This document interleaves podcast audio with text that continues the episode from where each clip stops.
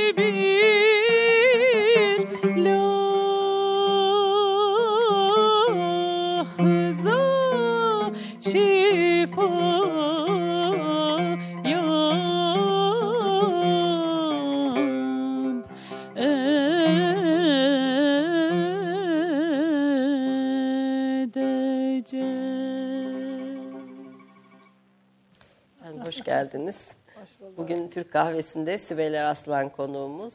Onun e, arzusuyla Selahattin Pınar eserleriyle başladık. Yaprak hoş geldiniz. Furkan hoş geldin. Selahattin Pınar'ın bir şarkısı.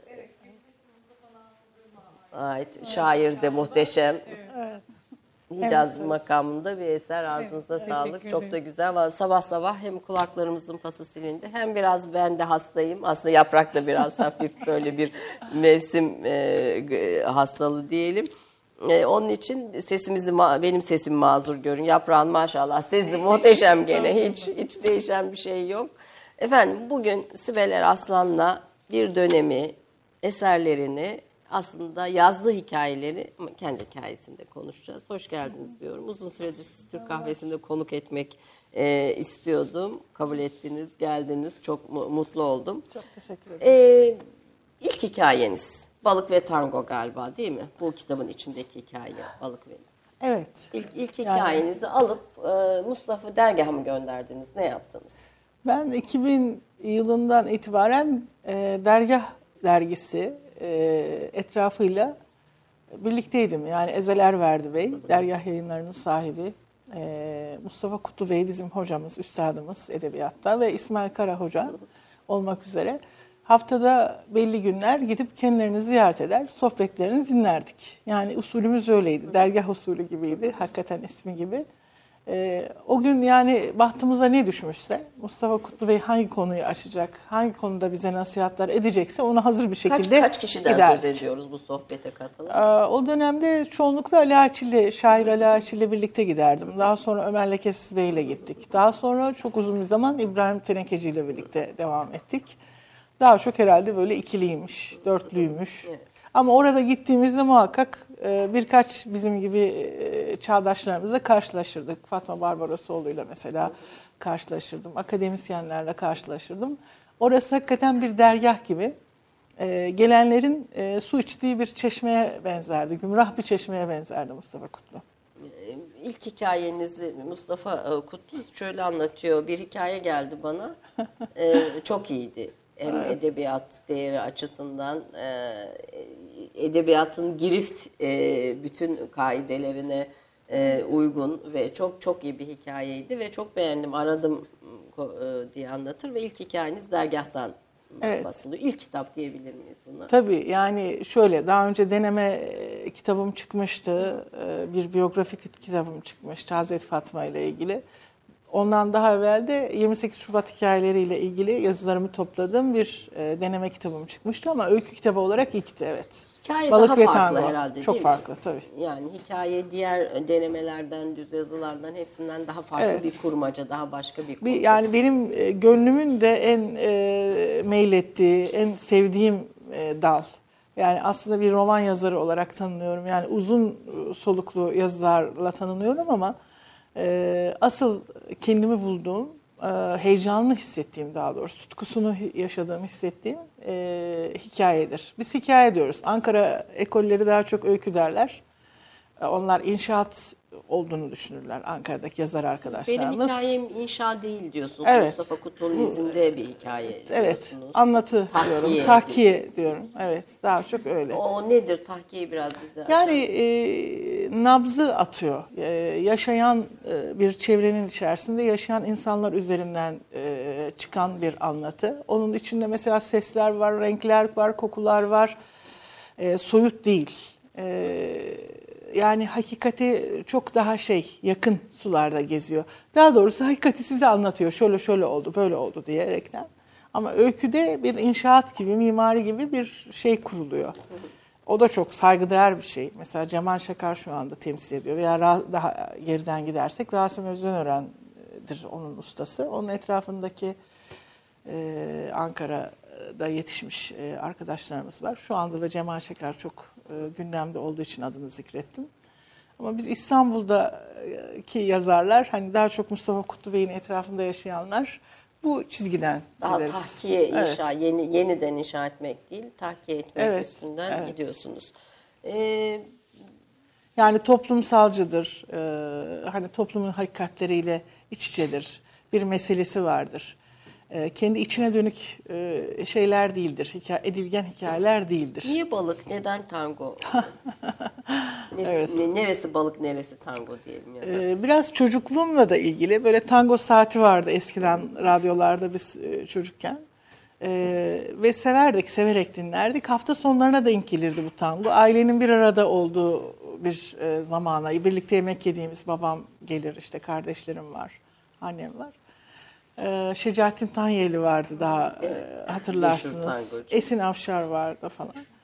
Ee, daha sonraları tabii üniversiteyken bu tangonun e, veya bu tür müzikalitenin bize dikte edilen bir şey olduğunu, hani Türk halk müziği varken veya Türk sanat müziği varken, Osmanlı müziği varken e, bunları terk edip reddi miras eyleyip hani batılılaşma ile ilgili e, çok e, müzik üzerinden de bayağı maceralar yaşanmıştır, yaşatılmıştır. Onun bir parçası olduğunu fark ettim. Eski radyo dergilerini aldım 1930'larda falan. O dönüşümü biraz görmeye çalıştım. E, o mü- müzik zevkiyle birlikte yaşanan değişime de vurgu yapan bir uzun Bir- hikaye. Bir, bir uzun hikaye. Evet. Ee, şimdi diğer kitaplarınıza da geleceğiz ama e, Balık ve Tango gene bir dönem saklı kitap. Yarısı bende saklı yine aynı şekilde. Bunlar da sizin hikaye kitaplarınız. Saklı kitabı daha çok bir e, uzun hikaye diyebiliriz. Evet. Uzun hikaye. Efendim kısaca bir Sibel Eraslan e, kimdir, ne yapmıştır? Böyle çok kısa bir CV'sini izleyelim. Ondan sonra farklı konulardan sohbete devam edelim. Sibel Eraslan 21 Nisan 1967'de Üsküdar'da dünyaya geldi. Üsküdar Kız Lisesi ve İstanbul Hukuk Fakültesinden mezun oldu. Uzun mücadelelerle geçen yılların ardından İstanbul Barosu'na kayıtlı bir avukat olabildi. Edebiyat çevrelerinin dikkatini lise yıllarında yazdığı Üç Perdelik Beni Kim Sevecek adlı oyunla çekti. Ahmet Kabaklı'nın teklifiyle Türk Edebiyatı dergisinde yazmaya başladı. Fakülteden mezun olduktan sonra başörtüsü yasakları yüzünden mesleğini yapamadı ama siyasete davet aldı. Recep Tayyip Erdoğan'ın İstanbul İl Başkanlığında 1989-1995 yılları arasında siyaset yaptı. Bu arada kadınların kaleminden Kadın Erkek Herkese logolu Mektup dergisinde yazmaya başladı. 1999 yılında Akit gazetesinde köşe yazarlığına başladı. 28 Şubat dönemini göğüsleyen yazar kadrosunun içinde yer aldı. Fil Yazıları adlı kitabında o dönemde yer alan olayları ve verilen mücadeleleri anlattı. 2004 yılında Türkiye Yazarlar Birliği'nce yılın köşe yazarı seçildi. 2000 yılından itibaren dergah yayınlarında yazmaya başladı. Ezel Erverdi ve Mustafa Kutlu'nun talebesiydi. 2004'te dergah yayınlarından Balık ve Tango adlı hikaye kitabı çıktı. Aynı yıl Seris'ten Can Parçası adlı Hazreti Fatıma ile ilgili biyografi kitabı yayınlandı. 2006'da dergahtan Parçası Benden adlı hikaye kitabı, Selis'ten Sireti Meryem adlı romanı çıktı. İslam anneleri, zamanı kuran kadınlar çalışmaları büyük ilgi gördü. Çöl Deniz Hazreti Hatice, Nil'in Melikesi Hazreti Asiye, Can Feda Hazreti Fatıma, Ben Ayşe ve Zemzem'in annesi Hazreti Hacer romanları Türkiye'den sonra Endonezya'da da en çok satan romanlar arasına girdi. 2011'de Star gazetesinde yazmaya başladı. 2015'te Necip Fazıl Kısakürek Sanat Ödülleri çerçevesinde hikaye dalında ödül aldı. Şile Bir Deniz Kızı kitabı bir şehir kitabıydı. Babam için Beyaz Bir Kuğu adlı hikaye kitabındaysa Necip Fazıl ödülünü aldığı hikayeleri yer aldı. 2017'de dört defter Rumeli rüzgarıyla Rumeli'den göç eden Haminelerinin hikayelerini kaleme aldı. Tarihin dikkate alınmayan kadın öyküleri ve günlük yaşam üzerinden de anlatılabileceğini iddia ediyor. Evli ve üç çocuk annesi olan Sibel Eraslan hala yazmaya devam ediyor. Evet. Genç yaşta siyasete atıldınız. Dolu dolu bir hayat, onlarca kitap, binlerce konferans. bu arada tanık olduğumuz sürecin içinde bir Rumeli ailesinin kızısınız. Ee, hayatınızda sizi etkileyen dönüm noktalarınız, size yön veren olaylar ve isimler kimler oldu? Ee, en başta tabii e, annem ve babam vardı. Yani her çocuğun da ilk öğretmenleri anne babasıdır. Annem çok titizdi yani okuma konusunda. Ee, okuduklarımızı da takip ederdi muhakkak. Ee, tabii çocukluğumuzda hani anne babamızın yetiştiği o cumhuriyet şartlarında da Batı klasikleri öncelikliydi. Batı klasikleriyle büyüdük yani or- Babanız ortaokul kaptan, boyunca. denizle uğraşan. Evet, birisi. önce babam astsubay emeklisi. Daha sonra kaptanlığa devam etti. Hep e, denizde geçen bir ömrü vardı babamın. E, zaman zaman eve geldiği zaman yani uzak seferlerden sonra tabii evde böyle bir düğün bayram olurdu. Babama kavuşmanın verdiği e, şey olurdu, heyecan olurdu. Bütün kitaplarımda da baba figürü hep böyledir yani. E, Rumeli, dosttur. baba, nineleriniz bütün kitaplarınızda var Evet, hemen hemen. evet var. Ee, sonra e, lisedeyken Ayla Begüm'dü edebiyat öğretmenim. Ee, yani annemden sonra Ayla Begüm sayabilirim. Ee, Ayla Begüm çünkü bütün okulda da herkesin hayranlıkla güneş gibi etrafında döndüğü böyle bir çok sevdiğimiz hocamızdı. Evet. Buradan da selam edelim Ayla Begüm hocamıza. Bizi Yani izliyorsa. yatılı kısmı da vardı okulumuzun. E, İmtihanla girilen bir okul. Yatılı e, müdür yardımcılığını da yaptığı için yani yatılılar da kendisine hayran. Gündüzlüler de kendisine hayran. Edebiyat zevkinizin ortaya Verdi. çıkmasında. E, Nihat Sanbanarlı'yı onun kitabını okurduk. E, Kubbehaltı Cemiyeti'ne bizi götürürdü. Türk Edebiyatı Vakfı'na götürürdü. İşte Mehmet Kaplan'ın mesela Allah rahmet eylesin Profesör Mehmet Kaplan'ın kırmızı kalemli benim yazılarımı düzelttiği kağıtlar vardır evde yani. Tabii onun, o zamanlar onun kıymetini bilemiyorduk. Liseli çocuğuz, ortaokuldayız veya. Ee, işte Belkıs İbrahim Hakkıoğlu vardı. Onların etrafında büyüdük yani. Ama o muhteşem bir şeydi tabii Bir yani. muhit aslında değil mi? Muhitti. Muhit yetiştiriyor Çok doğru. insanı, muhit yani yetiştiriyor. o muhitin içinde işte Necip Fazıl'ı seyrederken, Cemil Meriç'i dinlerken, Erol Güngör'ü takip ederken, bütün bu yıldız isimleri dinlerken e, oturup kalkmaktan e, çay nasıl içilir, e, bir kalem kağıt nasıl tutulur, işte kitaba nasıl davranılır her şeyi öğreniyorsunuz yavaş yavaş. Yani evdeki o alınan ilk terbiye gibi böyle bu tür e, gençliğin yetiştiği muhitler ne kadar önemli diye şimdi düşünüyorum. Üç muhit vardı biz İstanbul Hukuk Fakültesine giderken.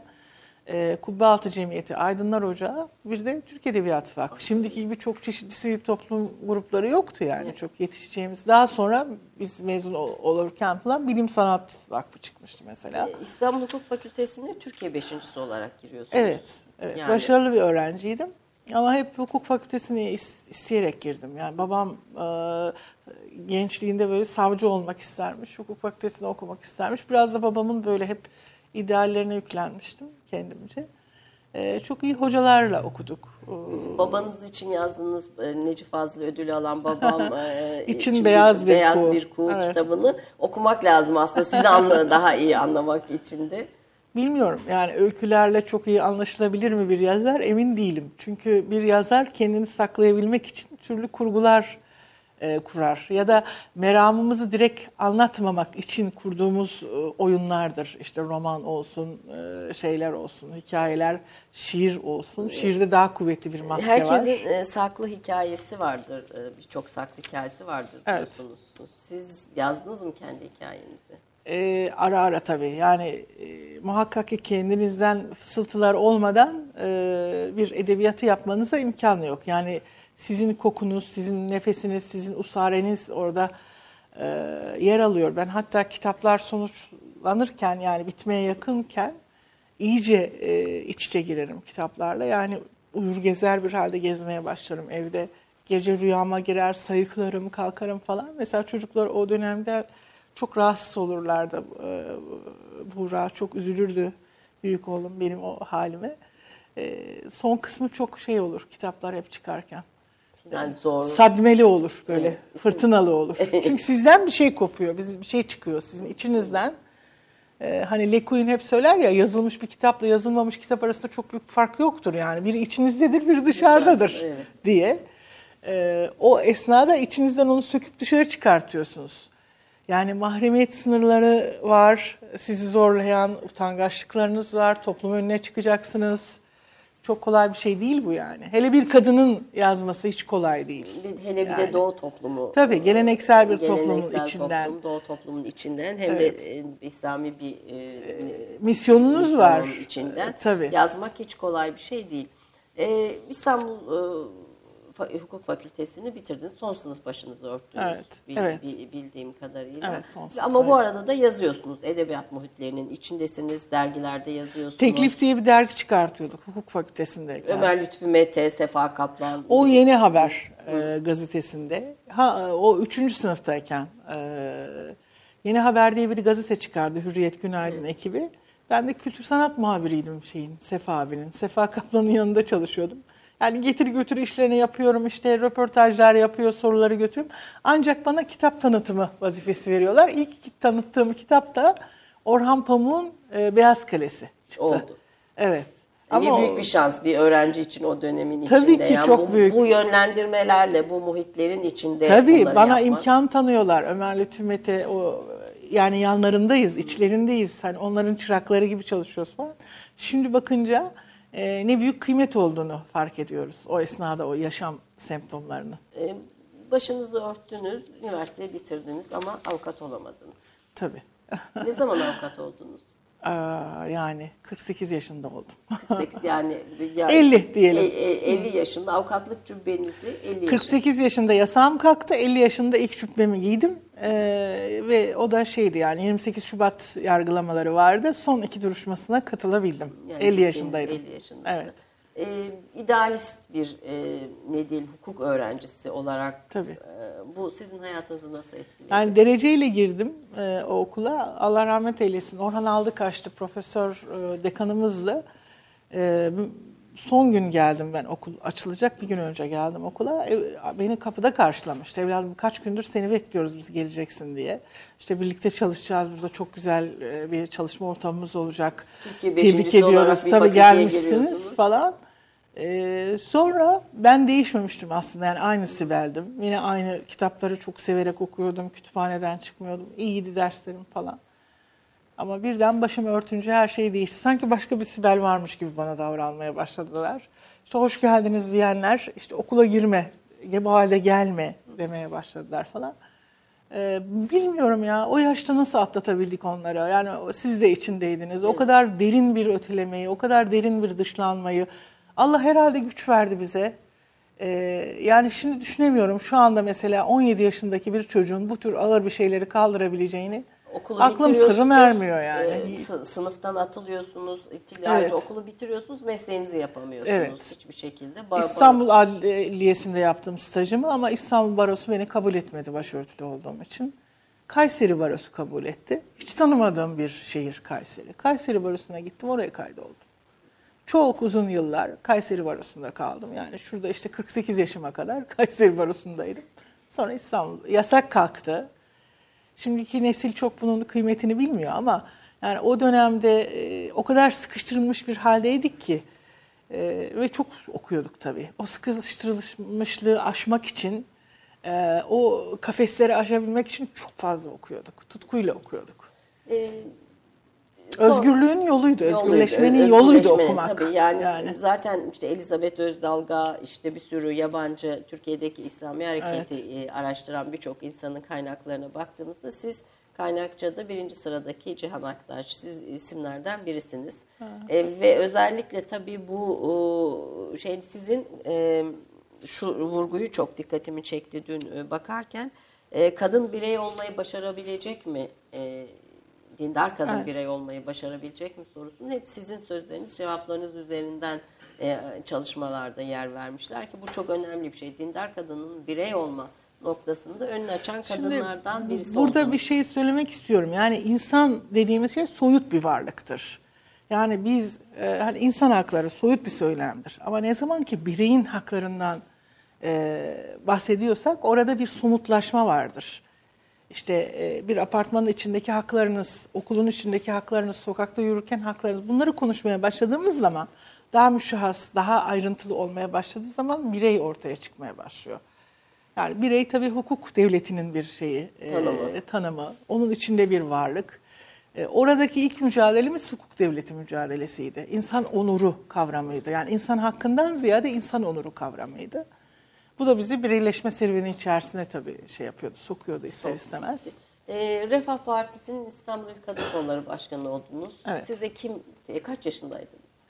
Yani ben 19 yaşındayken e, zaten ilk konferanslara çağrılmaya başlamıştım. Milli Türk Talebe Birliği'nde nüfus planlaması ile ilgili e, paneller oluyordu falan. İşte Cihan Aktaşlı, e, Süreyya Yükselli, Sabiha Ünlü, Bakiye Marangozlu o şeyde.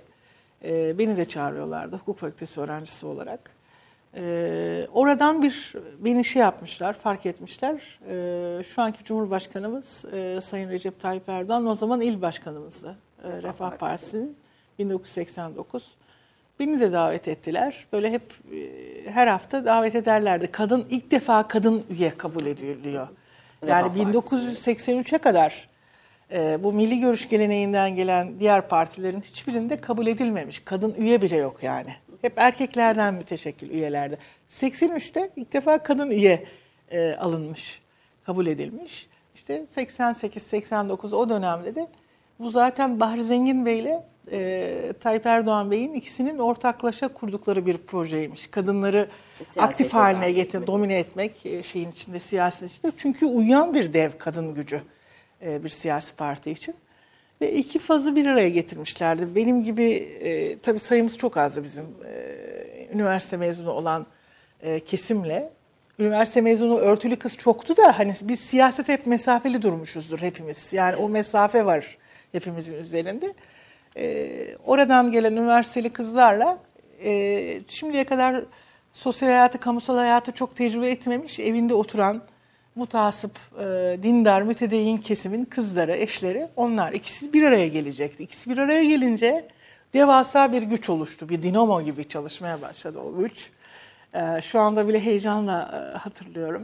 Önce İstanbul'da bunu başardık. Sonra bütün e, illere gittik kurmak için. E, Refah'ın seçim kampanyalarında da kadın gücü çok ön plana çıkıyordu. Ben o dönem Tayyip Erdoğan Bey çıkarttı onu ortaya. yani o bir, bir, bir defa kadınları ön plana çıkartıyordu ama kadınlar da bu sürecin içinde toplumda son derece iyileştirici bir etki e, Tabii. ortaya çıkar. Yani bir sevgi dili e, hakim. Güven yani uyandırıcı da. O, o, o kavga ortamında kadınların siyasete çıkması Evet. bir sevgi dilini de getirmişti. Burada sizin katkınız çok büyük tabii. Ee, orada mesela yani çocuğu için bir şey isteyen bir kadın var. Yani ben evladımın istikbali için iyi bir eğitim istiyorum. İşte sağlıklı bir yarın istiyorum. Okula giderken yolunun düzgün olmasını, güvenli olmasını istiyorum gibi çok böyle kadınların gönlünden çıkan bir dile ulaştı. Yani sert ideolojik köşeli laflardan şehrin içinde yaşayan kadınların e, hemen evet ben de aynı şeyi düşünüyorum diyebileceğiniz e, konuda bir dile dönüştü o siyasetin dili kadınlar için içine girince. Siz böyle hatta hiç kimsenin girmediği hele dindar çevrelerin böyle uzak durduğu birçok semte girip birçok ka- kadını siyasetin Zaten tepe başındaydı Evet. teşkilatımız. Saat 7'den sonra e, böyle işte pavyonlarda dan- dans e, işiyle uğraşan hanımlar falan gelirlerdi yani. Hani biz de e, size oy veriyoruz diyenlere çok rastlamışımdır mesela Beyoğlu'nda çalışırken. Hani biz de bu yaşamı istemiyoruz, biz de bu yaşamı değiştirmek istiyoruz diyerek söyleyen çok hanım görmüşümdür. Yani Recep Tayyip Erdoğan e, Cumhurbaşkanımız kadınlara bir kapı açtı. Bu kapıyı da sizinle açtı. Yani, Evet İstanbul'da benimle birlikte ama bütün birlikte- arkadaşlarımızla birlikte Tabii diyelim. bu, bu, bu kapıya e, ama bu kapıdaki sevecenlik, bu kapıya bir sürü insanın geldiğinde geri çevrilmemesi, içeri buyur edilmesi, dahil edilmesi Bir de özgüven bakın. Ben bunu çok önemsiyorum. Mesela e, ilk çalışmaya başladığımız o 89-90'larla mesela fotoğraf çektirmeyi çok istemezdi e, mütedeyyin kesimin hanımlara. E, sırtlarını dönerler, başlarını öne eğerler fotoğraf çekilecekken. Seçimleri kazandık 94'te. Mahalli seçimleri kazandık. Tayyip Bey de e, Büyükşehir Belediye Bu Başkanı arada olacak. be- be- e, bilmiyordur birçok izleyicimiz özellikle gençler. Belki o dönem bütün bu çalışmalar dergi kapaklarına yani yurt içi yurt dışı falan çıkıyordu yani Sibel Hanım'ın o, Ama o, e, bu hiç çalışmaları. u- umulmayan bir şey. Yani büyük bir başarı, Tabii. büyük bir şey. İlk defa İslami kesimden bir e, insanlar ve genç insanlar Tayyip Erdoğan'ın e, Etrafında. öncülüğünde İstanbul Büyükşehir Belediyesi'ni kazanıyorlar. Müthiş yani hep o zaman Erbakan hocamız derdi bütün dünya si- sizi izliyor dikkat edin derdi. Attığınız adıma dikkat edin ona göre derdi. Hakikaten öyleydi. Özgüven dedim.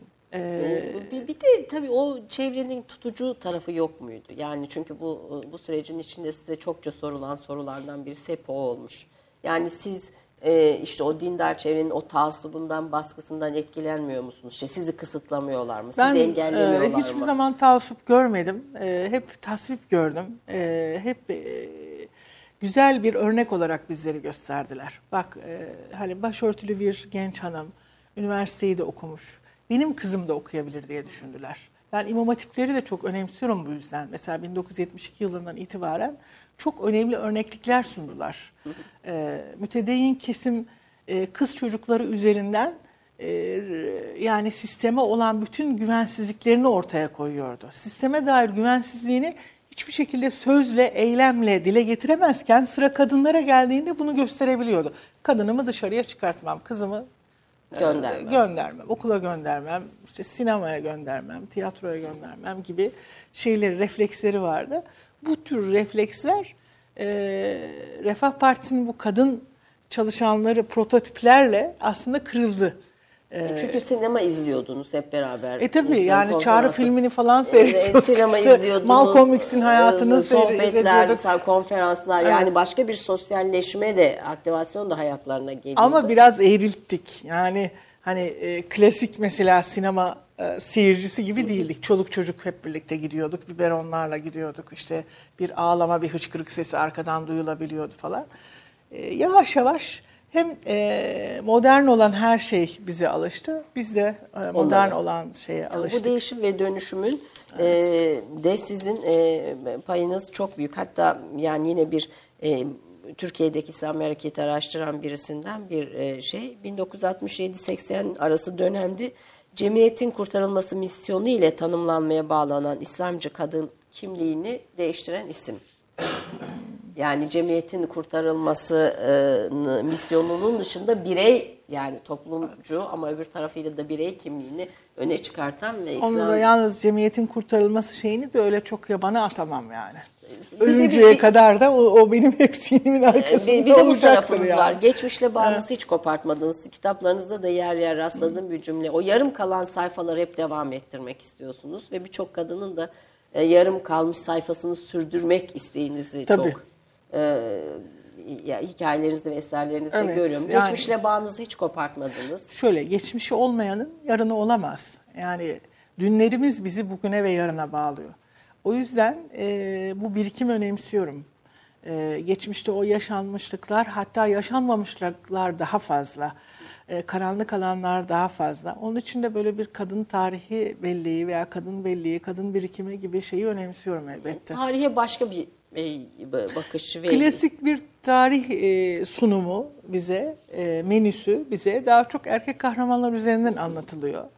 İşte mesela peygamberler erkektir, e, hepsi komutanlar adamları, erkektir. Azizler erkektir. Azizler, evliyalar, havariler yani hani sadece İslam e, dininin değil bütün e, dinlerin tarihinde okuduğumuz zaman hep erkek figürler üzerinden veya siyasi tarih okuduğumuzda işte krallar, imparatorlar, komutanlar, e, kıdemli askerler, kıdemsiz neferler hepsi erkektir. Ama mesela Resulullah'ın hayatında da Aleyhisselatü Vesselam 63 yıl hayat sürmüştür ama sadece 34 gün savaşın içindedir.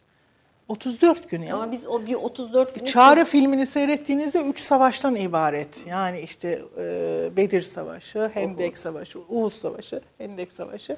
Sanki bundan ibaretmiş hayatı gibi verilir. Evet kılıç tutan bir peygamberdi ama o e, ismi selamet olan ve alemlere rahmet olan Ahmet alemlere rahmet olarak gönderilmiş bir peygamber de ismi selamet olan dinin peygamberiydi. Ama 34 gündür diyorsunuz tüm bu savaşların Evet hikayesini. ama mesela onun nasıl bir baba olduğunu, onun nasıl bir eş olduğunu, onun nasıl bir arkadaş olduğunu, nasıl bir komşu olduğunu biz öğrenmek zorundayız. Eğer onu hani öğrenmek istiyorsak öyle bir tutkumuz varsa. Efendim Sibel Araslan'la Türk kahvesine devam edeceğiz. Bir dakika reklam arası. Romandan şiire, tarihten düşünceye, klasik metinlerden özel edisyon çalışmalarına kadar geniş bir yelpaze ve yüksek bir frekanstan yayın yapmayı hedefleyen Ketebe, şimdiden Türk kültür hayatında kalıcı ve önemli bir yer edindi. Edebiyatımızın seçkin eserlerine, genç kalemlere, tarihimizin engin zenginliğine, dünya edebiyatının hem güncel hem de klasik metinlerine, düşünce dünyamızın, maneviyat tarihimizin köşe taşlarına ve gün yüzüne çıkmamış değerlerine ev sahipliği yapmak, Ketebe'nin yayın politikalarının omurgasını oluşturuyor. Dünya standartlarında bir yayıncılık anlayışı ve deneyimli kadrosuyla yola çıkan Ketebe yayınları, kitaba, kağıda ve söze hürmet eden bir medeniyetin parçası olarak her şey geçer, yazı kalır diyor. Reklam arası sona erdi. Ben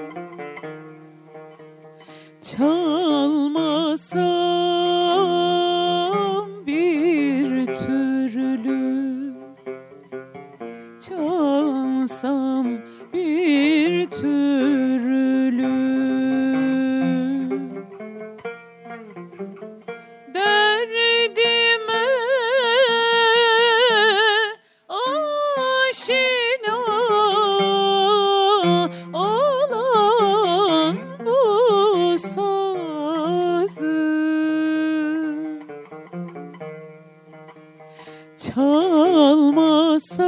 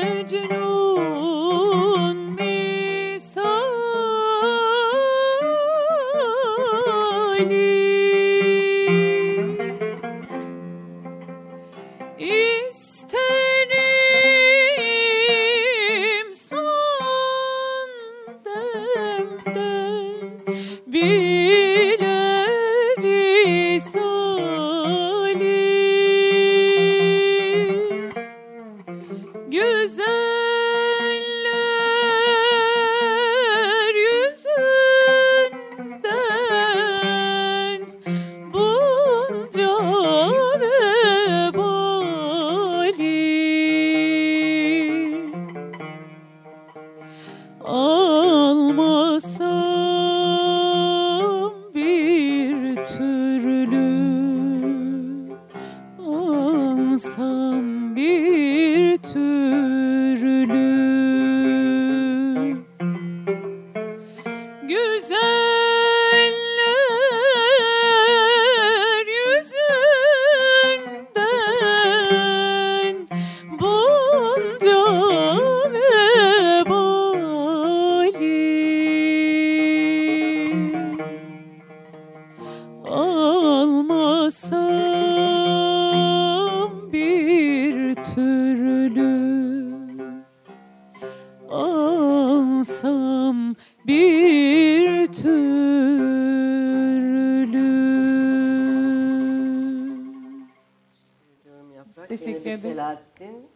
Pınar, şarkısı. bestesi Hüseyini makamında beslerdi. Güftesi Necdet Atılgan'a aitti. Evet. Selahattin Pınar'ı sevmenizde bir özel sebep var mıdır? Var mıydı daha doğrusu? E, lisedeyken Afife Jale ile olan evlilikleri dolayısıyla çok dikkatimizi çekerdi bizim. Ama daha çok yani annemin çok sevdiği bir bestekardı. Allah rahmet eylesin. Ben de çok derbeder bulurum. Çok e, dahiyane değişiklikler yapmıştır e, şeyde, musikide. Böyle inişleri, çıkışları vardır. Muhakkak e, birkaç bölümlü bir hikayeymiş gibi gelir bana. Fırtına gibidir ve her biri çok orijinaldir. Yani birbirine benzeyen şeyleri çok azdır. Bu, bu farkı hissetmek, bir hikaye okumak gibi Evet, şarkı. bir de hani Üsküdar'lı olmanın getirdiği bir şey belki. Ee, Selahattin Pınar sevgisi çok yaygındı benim büyüdüğüm muhitlerde. Yani Üsküdar çevresinde evlerde böyle muhakkak işte radyo dinlenirdi daha sonra televizyon oldu ama o radyonun ve plakaların e, yaygın olduğu dönemde dönemlerde bizim çocukluğumuzda bir kanun, bir cümbüş, bir ud muhakkak evlerden sağdan soldan çıkardı. Ee, işte batanayları, ongunları yollarda görürdük. Üsküdar Musiki Cemiyeti sanki bütün Üsküdarlıları e, musikiyle edeplendirirdi falan. Yani müzik ayrılmaz bir parçasıydı Üsküdar'ın. Eski. Şehrin ve semtin. Zaten Evet. kitaplarınızda e, bir semti veya bir, bir bölgeyi anlatırken rengini anlatıyorsunuz, kokusunu anlatıyorsunuz. Mesela Melodilerini melodilerini anlatıyorsunuz ve bütün aslında hikayelerinizde, kitaplarınızda sadece bir e, şey anlatı, bir mekan anlatısı yok. Yani o o güzel ses- müziksiz hiçbir mekan olmaz. Yani hiç olmazsa bir rüzgarının sesi, bir atlarının sesi, işte yelelerin sesi olması gerekiyor. Ses olmadan olmaz. Ol- Efendim tarihin sesini, nefesini, Evet. e, cennet anneleri e, anlattığınız kitaplarda ortaya koyduğunuz Çöl Denizi Hazreti Hatice'yi anlattığınız bir Evet. eserdi. Siret-i Meryem Cennet Kadınlarının Sultanı Hazreti Meryem. Hazreti Meryem'di. Nil'in Melikesi Hazreti Asiye, Cam Feda Hazreti, Hazreti Hatun Fatıma. Fatıma. bir de burada olmayan e, Hazreti Ayşe Ayşe var, var, Hazreti Hazreti, Hacer-. Hacer var. Hacer var ve e, bu böyle bir kitap serisi yazmaya nasıl karar verdiniz? Bir böyle kendime bir rol model arıyordum. Yani doğu, doğudayım, hani Greenwich'in sağ tarafındayım. Ee, İslam ülkesi, Müslümanların olduğu bir şeydeyim, toplumdayım. Türkiye'deyim, Anadolu'dayım. Ee, Batılılar benim için ya Orta Doğu diyorlar, hem e, Müslüman diyorlar, İslami kesim diyorlar falan. Ee, kendi coğrafyamın, kendi köklerimin üzerinden e, örnek alacağım e, kadınları aradım. Onların peşine düşünce de tabii ki Resulullah Efendimiz'in hani örnek kadınlar olarak saydığı kadınlar benim için önemliydi. Ee, bir de e, belli şeyler var edebiyatta. Dile gelmemiş belki ama edebiyat kamusunun e, böyle cız dediği köşeler var. Çok e, yazılmayan, çizilmeyen. İşte bu kadınlar öyleydi. İslami kesimin e, rol modeli olabilecek güneşleri aslında. Kutsanmış kadınlarda çok da bir şey belki yazılıp çizilmiyordu. Bir de o bakış açısı var. Yani e, kutsanmış kadın olarak da hani dinle bağlantılı kılındıkları için hatta din üstü de diyebiliriz yani belki. Hani e, kutsal dediğimizde böyle il- ilk insandan itibaren falan olan bir şey, bir anlatılar falan, söylenceler. E, bütün bunlar ister söylence olsun, ister din olsun hani kenara, köşelere itilmiş, istiflenmiş mevzularda. İslami kesimde de e, çok şey yapılmamış yani dile getirilmemiş. Demin dediğim gibi erkek e, şeyler üzerinden, e, görkemli erkekler üzerinden anlatıldığı için dini hikayeler. Ama ben bir hikayeci olarak biraz annelerin izinden gideyim dedim. Onun için zamanı kuran kadınlar. Çünkü Hazreti Hatice'nin hikayesi mesela sadece kendi hayat hikayesinden ibaret değil. Hazreti Hatice'nin hayat demek, Resulullah Efendimiz Aleyhisselatü Vesselam'ın Mekke'deki hayatı demek. Ve en zor dönemde, hiç kimse ona inanmazken, herkes onu dışlarken, e, onu e, şefkatiyle, sevgisiyle, katıksız sadakatiyle e, saran bir kadın. Yani çok akıllı bir kadın aynı zamanda. Neden Merhametiyle. şöyle bir şey, yani bir çölde geçiyor hikaye. Yani Sahra çölü. Ee, dünyanın uzaydan çekilmiş fotoğraflarında bile böyle sarı bulutlu bir şey var dünyanın etrafında. Orada geçiyor. Yani Mekke, Medine dediğimiz şey Arap Yarımadası'nın derin çölünün hemen kıyısında bulunuyorlar.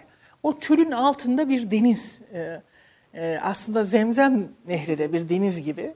Hazreti Hatice aslında o. Yani çölün içinden bir deniz gibi çıkarak sevgi denizi gibi, şefkat denizi, merhamet denizi gibi Resulullah Aleyhisselatü Vesselam'a selamet oldu. Yani e, hakikaten hayatındaki dönüm noktalarından birisi Hazreti Hatice.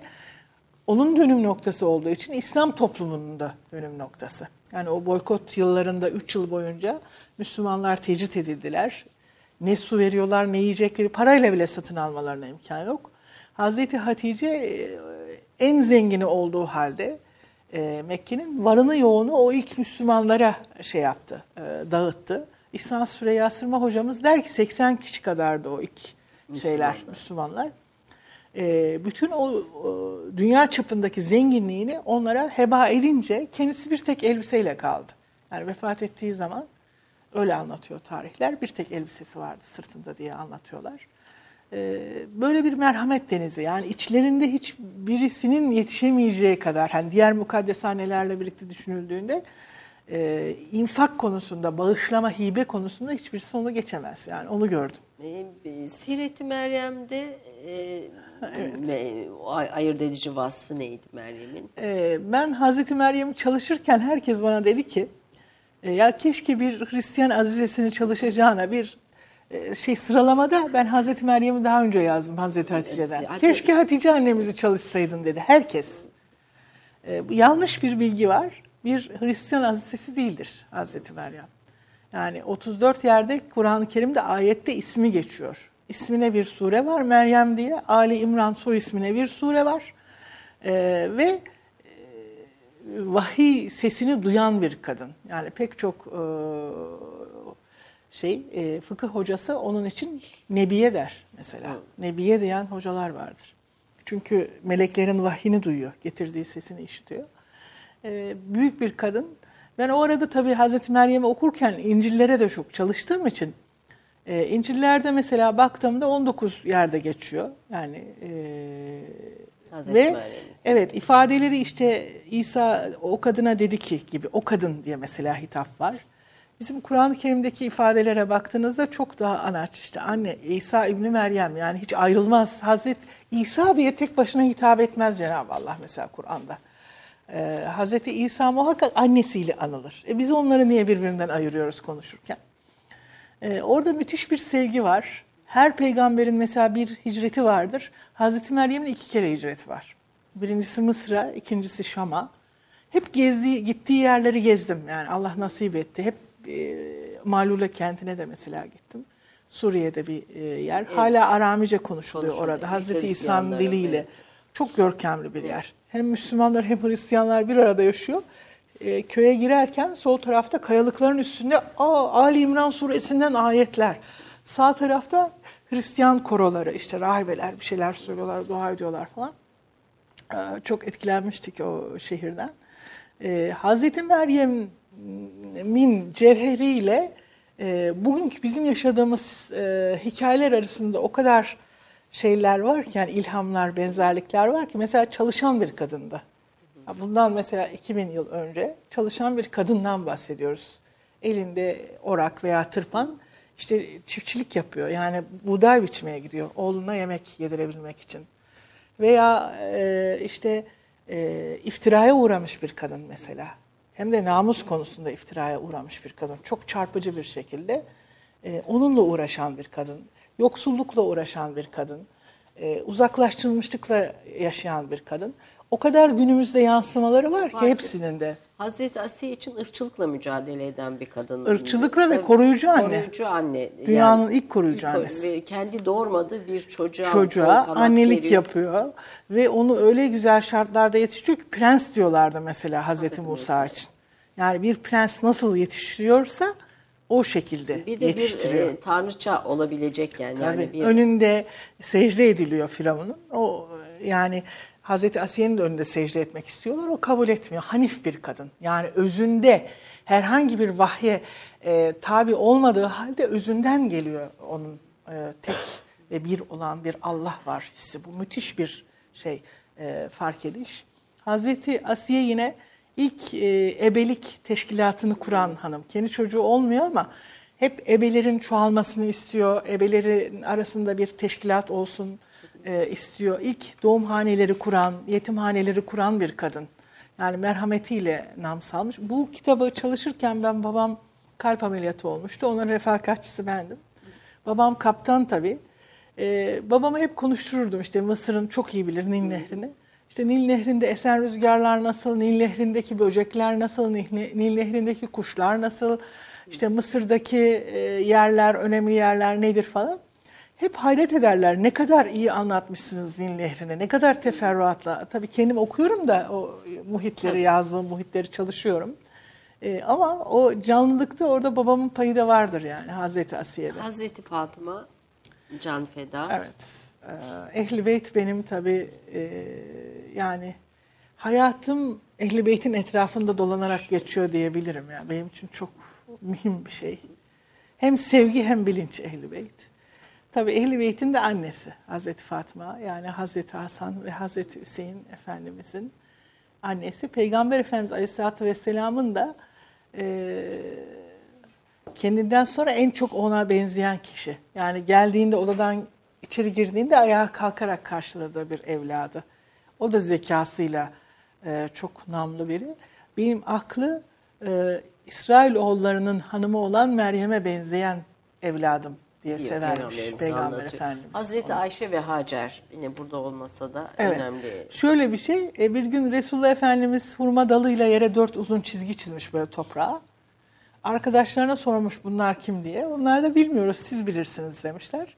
O da demiş bu cennet kadınlarının sultanıdır bunlar. İşte Müzahim kızı Asiye, İmran kızı Meryem, Hüveylid kızı Hatice, Muhammed kızı Fatıma diye. İşte bunlar cennet kadınlarının sultanı dördü. Bu meşhur bilinen bir şey ifadesi Efendimizin. E, ama ben bunları yazarken bu dördünü o kadar çok Hazreti Ayşe okudum ki. Çünkü Hazreti Ayşe Resulullah Efendimizin asistanı gibi Her şeyi e, çok akıllı e, birisi ve her şeyi not etmiş gibi. Yani zaten e, hafızasıyla ünlü bir ailenin kızı Hazreti e, Ayşe. Çok da akıllı olduğu için bütün bu hanımlarla ilgili faziletleri aktarıyor. Bize onu da bir yazayım dedim, kaleme alayım dedim. Hazreti Hacer'i de büyük annesi olduğu için Resulullah Efendimiz'in. Yani bütün aslında hikayelerini e, o, bir siyer değil bu kitaplar. E, Değil ama e, siyerlerin etrafında dolanıyorlar tabii ki. bir uzun hikaye diyebilir miyiz? Evet, hepsini? Bir evet. roman ve uzun hikaye diyebilir miyiz? 28 Şubat'ı da yazdınız. 28 Şubat üzerine yazılmış e, iki kitaptan birisi sizin. Evet. Başka da aslında o dönemi bir, bizzat tan- gerçek hikayeler var. Birisi Yıldız ablanın, Ramazan- e, Ramazanoğlu, Yıldız bir Ramazanoğlu'nun e, ikna ablaları. Biri de benim saklı kitap, evet. e, saklı kitap e, ve bir tanıklık, bir dönemin tanıklığı Evet. olarak yazılmış iki e, kitap sizin.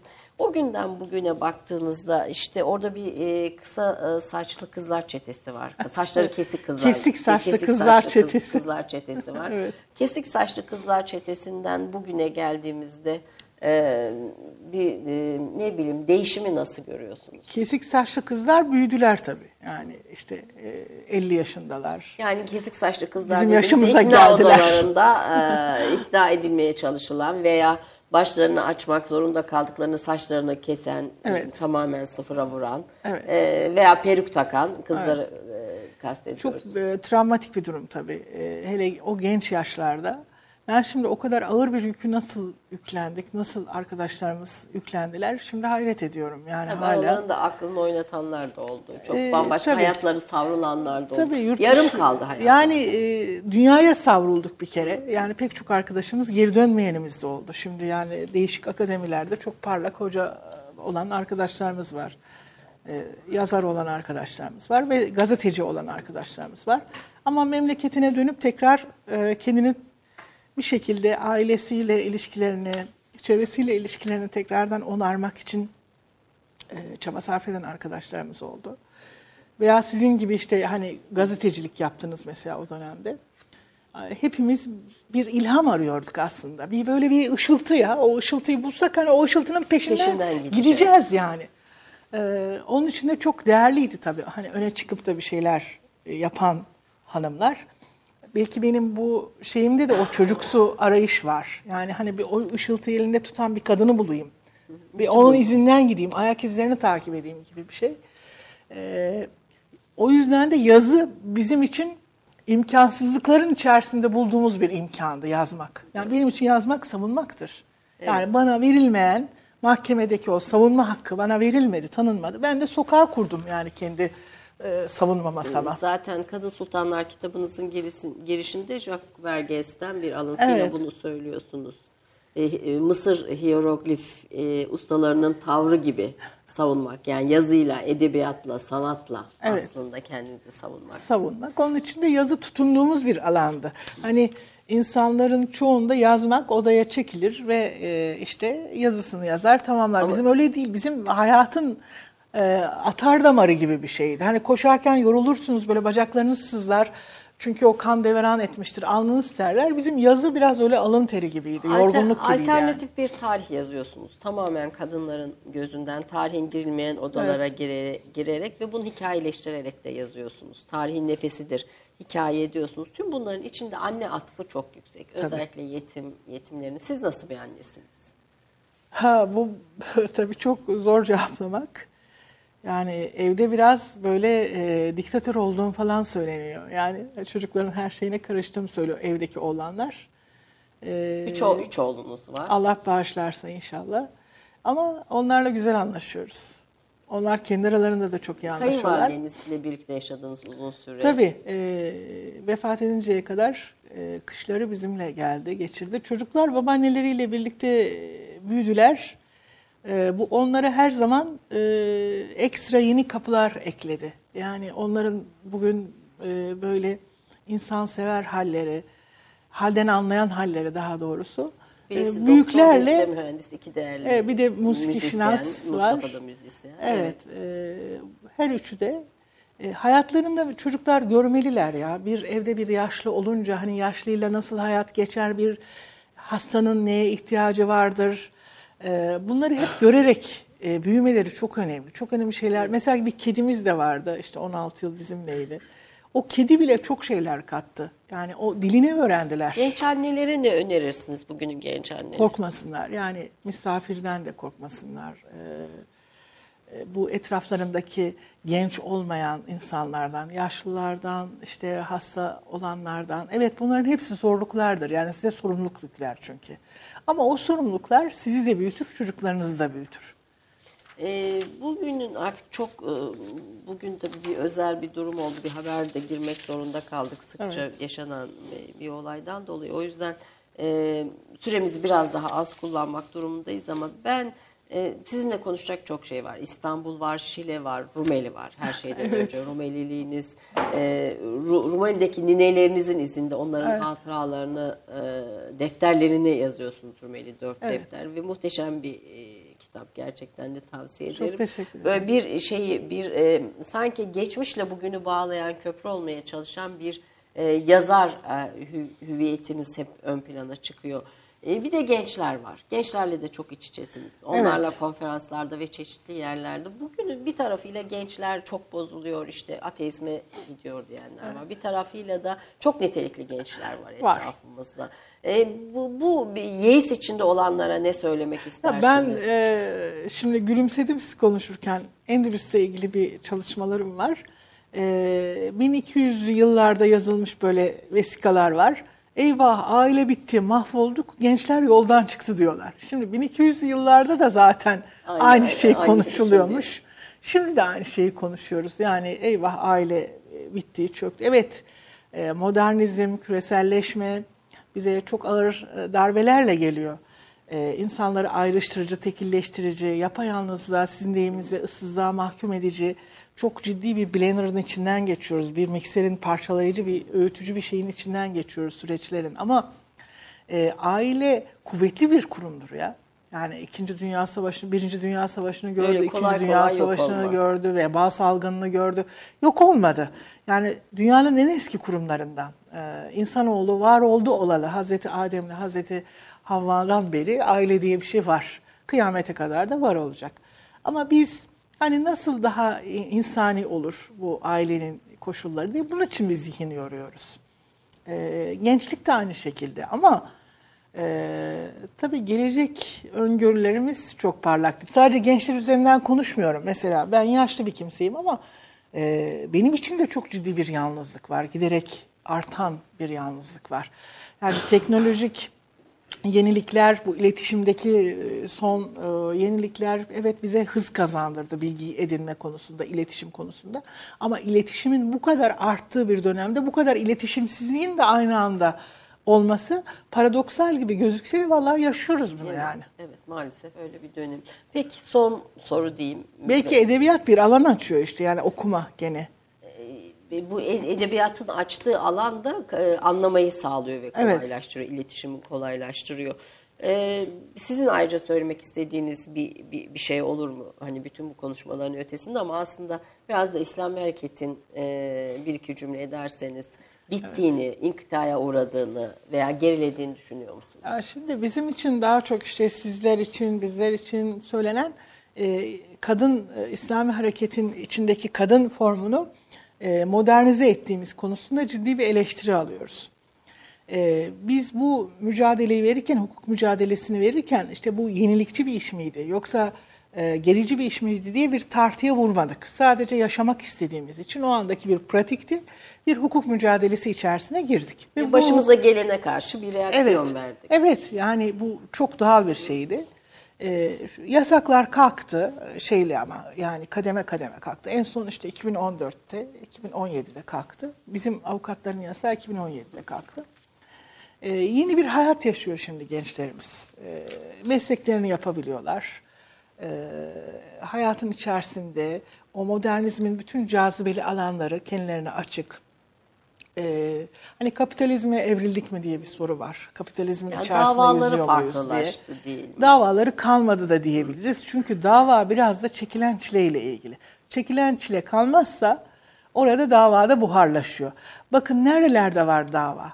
İşte çocuklar mesela ben hep e, gençlerle bir arada yaşadığım için mesela onların en çok heyecanlandığı konu bir işin içine sizinle birlikte girdikleri zaman heyecanlanıyorlar. Yani edilgen konuda dinleyici, e, konferans dinleyen ve bundan e, neşelenen genç sayısı çok az. Bizim zamanımızda öyle değildi. Biz bir konferansı dinledik zaman dışarıya çıkar hareketin içine akardık. Böyle bir şey yok şimdi. Onların en heyecan duyduğu şey bir yardım kampanyasında var olmak mesela. Ee, İşte Suriye için yardım düzenliyorlar, Arakan için yardım düzenliyorlar, Filistin için yardım düzenliyorlar. Mesela orada onları ben çok neşeli görüyorum, heyecanlı görüyorum. İçine Davaları olmak, oluyor çünkü. Evet. olmak. Davanın biraz şeyi değişti, görünümü değişti, şekli değişti zannediyorum. Ee, e, bir yazarsınız. Başörtülü yazar, türbanlı yazar, e, İslamcı yazar gibi tanımlamalar kızdırıyor mu Evet sizi? tabii ki. Ama dikkat etmiyorum yani ben benim neticede. Fakat tabii ki o sürekli türbanlı yazar. Yani o tırnak işareti ile geldik bu 50 yaşa.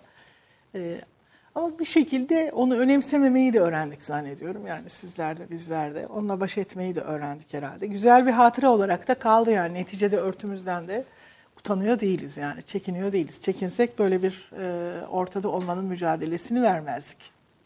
Peki bu program aslında sizinle konuşacaklarımıza sığmadı. Belki bir başka sefer tekrar sizi konuk etmek teşekkür isteriz bir- ediyorum birçok de. alanda. Sizlere de çok teşekkür ediyorum. e, Tarkovski e, din ve sanat aynı madalyonun farklı yüzleridir dermiş. Siz bunu kitabınızda kitaplarınızda kullanıyorsunuz. Gerçekten ikisini de bütün bu eserlerde görmek e, mü- mümkün. Hem edebi değeri itibariyle hem bize naklettiği hikayeler, farklı hikayeler itibariyle hem de bir ruh, bir gönül sesine, kadınların sesine ses vermeniz itibariyle Türkiye'nin önemli değerlerinden birisiniz. Çığır açan öncü isimlerden Estağfurullah birisiniz. efendim. Ee, böyle şeyler yaşarken fark edilmiyor e, hayatın içinde. Ama gerçekten e, Türkiye'de dindar kadınların sesi olmuş, onlara e, ses vermiş, cesaretlendirmiş, özgüven vermiş. Onun da ötesinde e, kitaplarınızla, edebi değeri olan kitaplarıyla bu hikayeye bir devamlılık kazandırmış. Geçmişten geleceğe bir köprü kurmuş bir isimsiniz. E, lütfettiniz, katıldınız. Çok teşekkür Estağfurullah ediyorum. şeref duyduk. Çok teşekkür Ee, ediyorum de. onur duydum katılmış olmanızdan ama konuşacağımız konular böyle çok bugün e, istediğimiz gibi e, zamanı daha az kullanabildik diyelim. Bir başka sefer inşallah, tekrar İnşallah. ağırlamak isteriz. Efendim bir Türk kahvesinin daha sonuna geldik. Haftaya görüşmek üzere. Hoşçakalın.